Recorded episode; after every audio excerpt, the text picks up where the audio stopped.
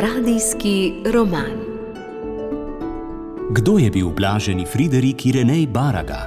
Kmalu bo minilo 155 let od njegove smrti. Ga dobro poznamo?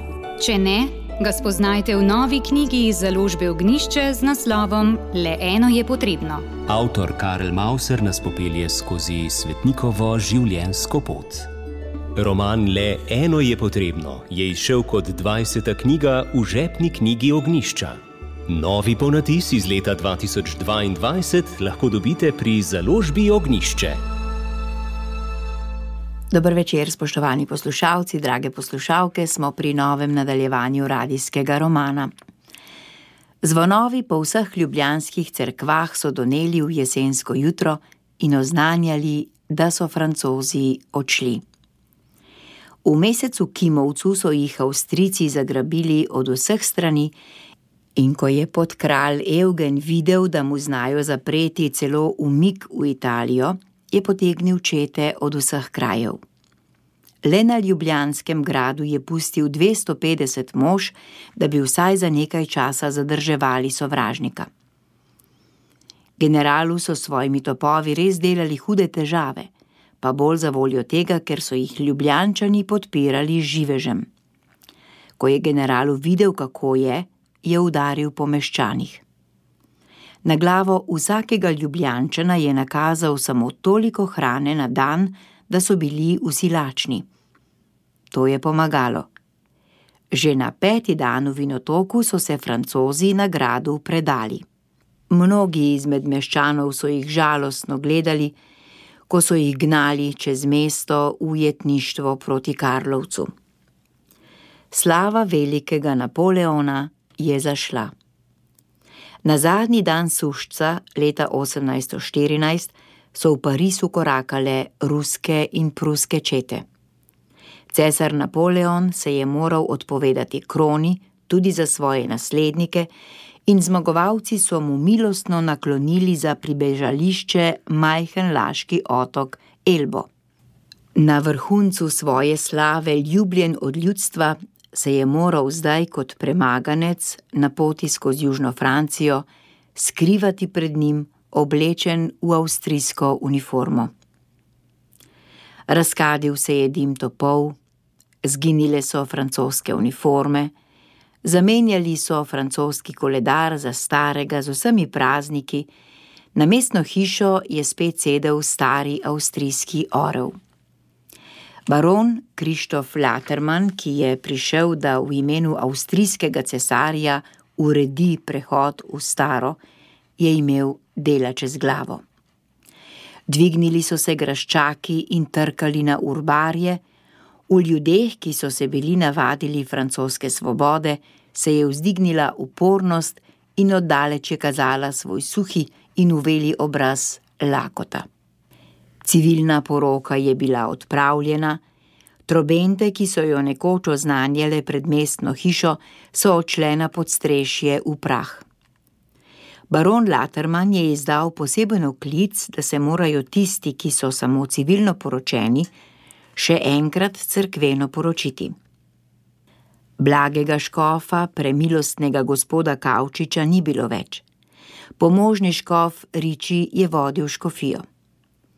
Mir, po katerem so vsi krepeneli, je bilo vendar treba praznovati. Baron Laterman se je odločil za tridnevno slavje, ki naj v Ljubljano prinese vsaj nekaj veselja in šuma. Častiti gospod, profesor Valentin Vodnik, ki je bil sicer v nemilosti pri novih oblasteh, je v počastitev miru napisal posebno pesem, Mirov God, ki so jo dali natisniti na dolge trakove s pentljo na vrhu. Bili so iz zelenega atlasa. Slavje se je začelo zgodaj zjutraj na nedeljo 10. malega srpana. Poseben kurir, ki ga je spremljalo 24 slavnostno oblečenih postiljonov, je prinesel blagovest miru najprej dvornemu komisarju, grofu Saurau. Od njega je odšla procesija generalnemu guvernerju Latermanu. Kurir ga je povabil k zakvalni maši v stolnico, kjer je že čakal pomožni škof Riči z duhovščino. Pridigal je stolnika plan Dagarin in ljubljansko mesto je za to nedeljo pogostilo vojake, reveže in celo kaznjence. Vrhunec slovesnosti je bil na ponedeljek, ko so se zbrali vsi gostje iz vseh treh kranskih okrožij. Povabljeni so bili tudi novomeški in postojnski. V spremstvu godb so se dolge procesije odpravile na breg, kjer so čakale zelenjem, trakovi in zvenci okrašene ladje. Veselični prostor je bil določen ravno nasproti kraju, kjer se Ižica zliva v Ljubljanico. Na velikem okrašenem modru je bila velika slika premilostnega cesarja Franca, topiči z gradu so doneli v pozno popovdne in šumenje množic je šlo čez travnik, kakor veter. Nastopili so otroci, oblečeni kot pastirčki in pastirice, godbe in preko 40 parov plesalcev. Vsi so sprejeli iz rok guvernerjeve žene, gospe Latermanove, atlasaste trakove za spomin. Celo nekaj slovenskih besedi se je milostna gospa naučila za to priliko, da jih je ponovila pred vsako skupino. Spomnite se na cesarja, deželo in umir. Z nočjo se je veselje razplamtelo. Na ladjah in ladjicah so prižgali luči, z velike ladje pa so švigale v nebo rakete in sipale umetni ogenj. Tudi grad je bil v lučeh. Upitje je šlo z vsako raketo, dokler ni bil ves prostor, kakor velikanski bučeč pan. Profesor Dolinar bi se hrušču, ki ga nikoli ni ljubil, rad ognil. Toda nove oblasti so skrbno pazile, če ljubezen do francozov pri nekaterih ni bila prevelika. Saj so celo pomožnega škofa Ričija dolžili, da francozov ne more pozabiti. Na veselični prostor so se odpeljali šele pozno popovdne. Z Belneka je prišel stric Ignaci, ki je pripeljal s seboj Friderikovega prijatelja Ivana Vesela, Friderik pa je naprosil profesorja, da sme vzeti s seboj še prijatelja Čopa. Profesor in stric Ignaci sta hodila skupaj. Amalij in otrok, ki ga je posvojil Jernej Pengov z Pšate, se dobro razvija. Šel ga je pogledat. Prijazno dekletce. Vse kaže, da bo imel otrok dober dom, tudi stroški so veliki. Bog daj sicer župniku Janezu v miru počivati, na hitro je odšel. Na družinskem sestanku, tedaj pa je zagnal številko, ki je trebanska zadolženost, ne bo lahko prenesla. Sodišče še vedno leze v dolgove, je mirno vprašal profesor. To me bo pokopalo, pravi Ignaci. Menda mislijo, da na laž zategujem čas odplačil. To, da ne zmorem. Dobro čutim grožnjo, da mi vzamejo oskrbništvo.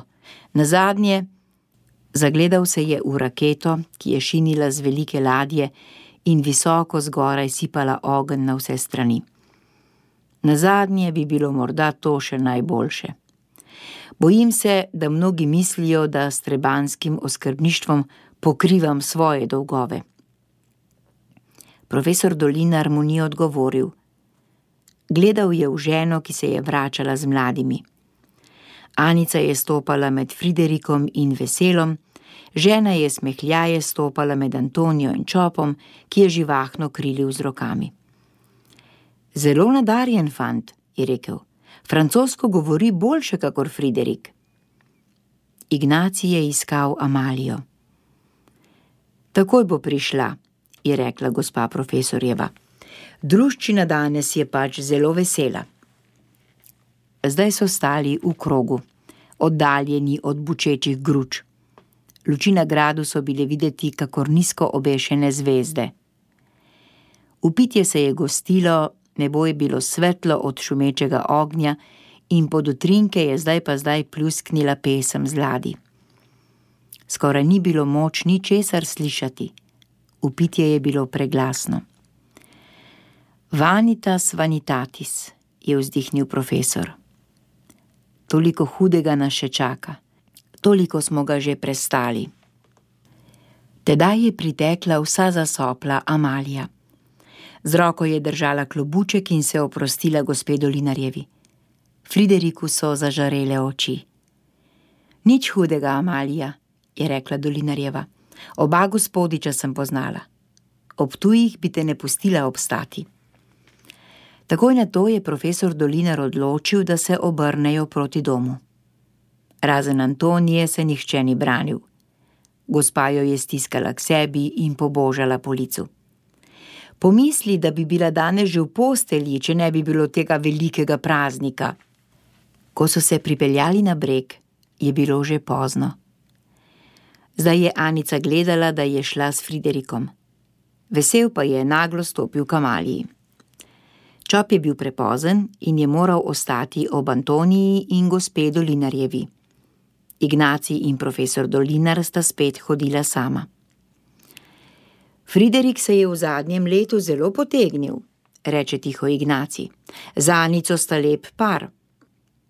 Oboje je še mlado, pravi profesor.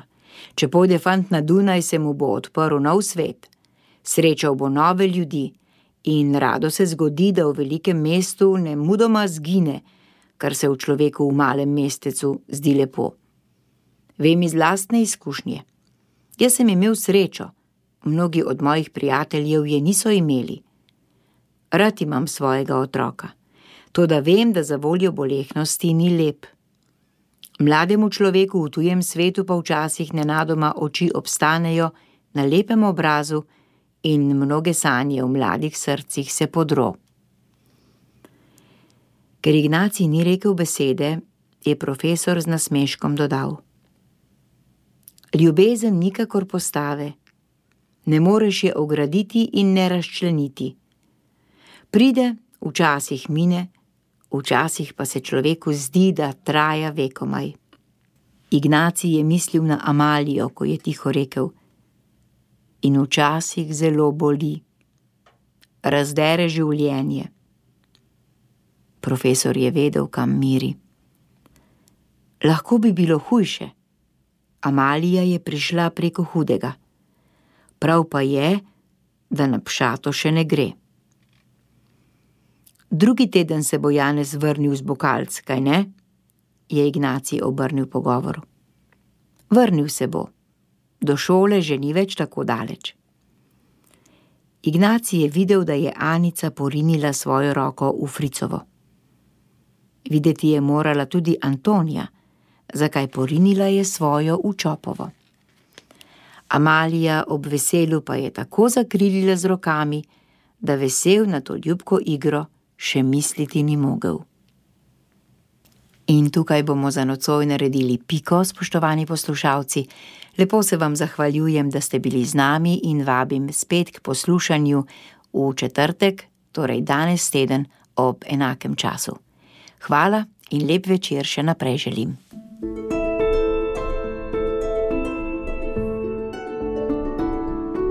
Radijski roman.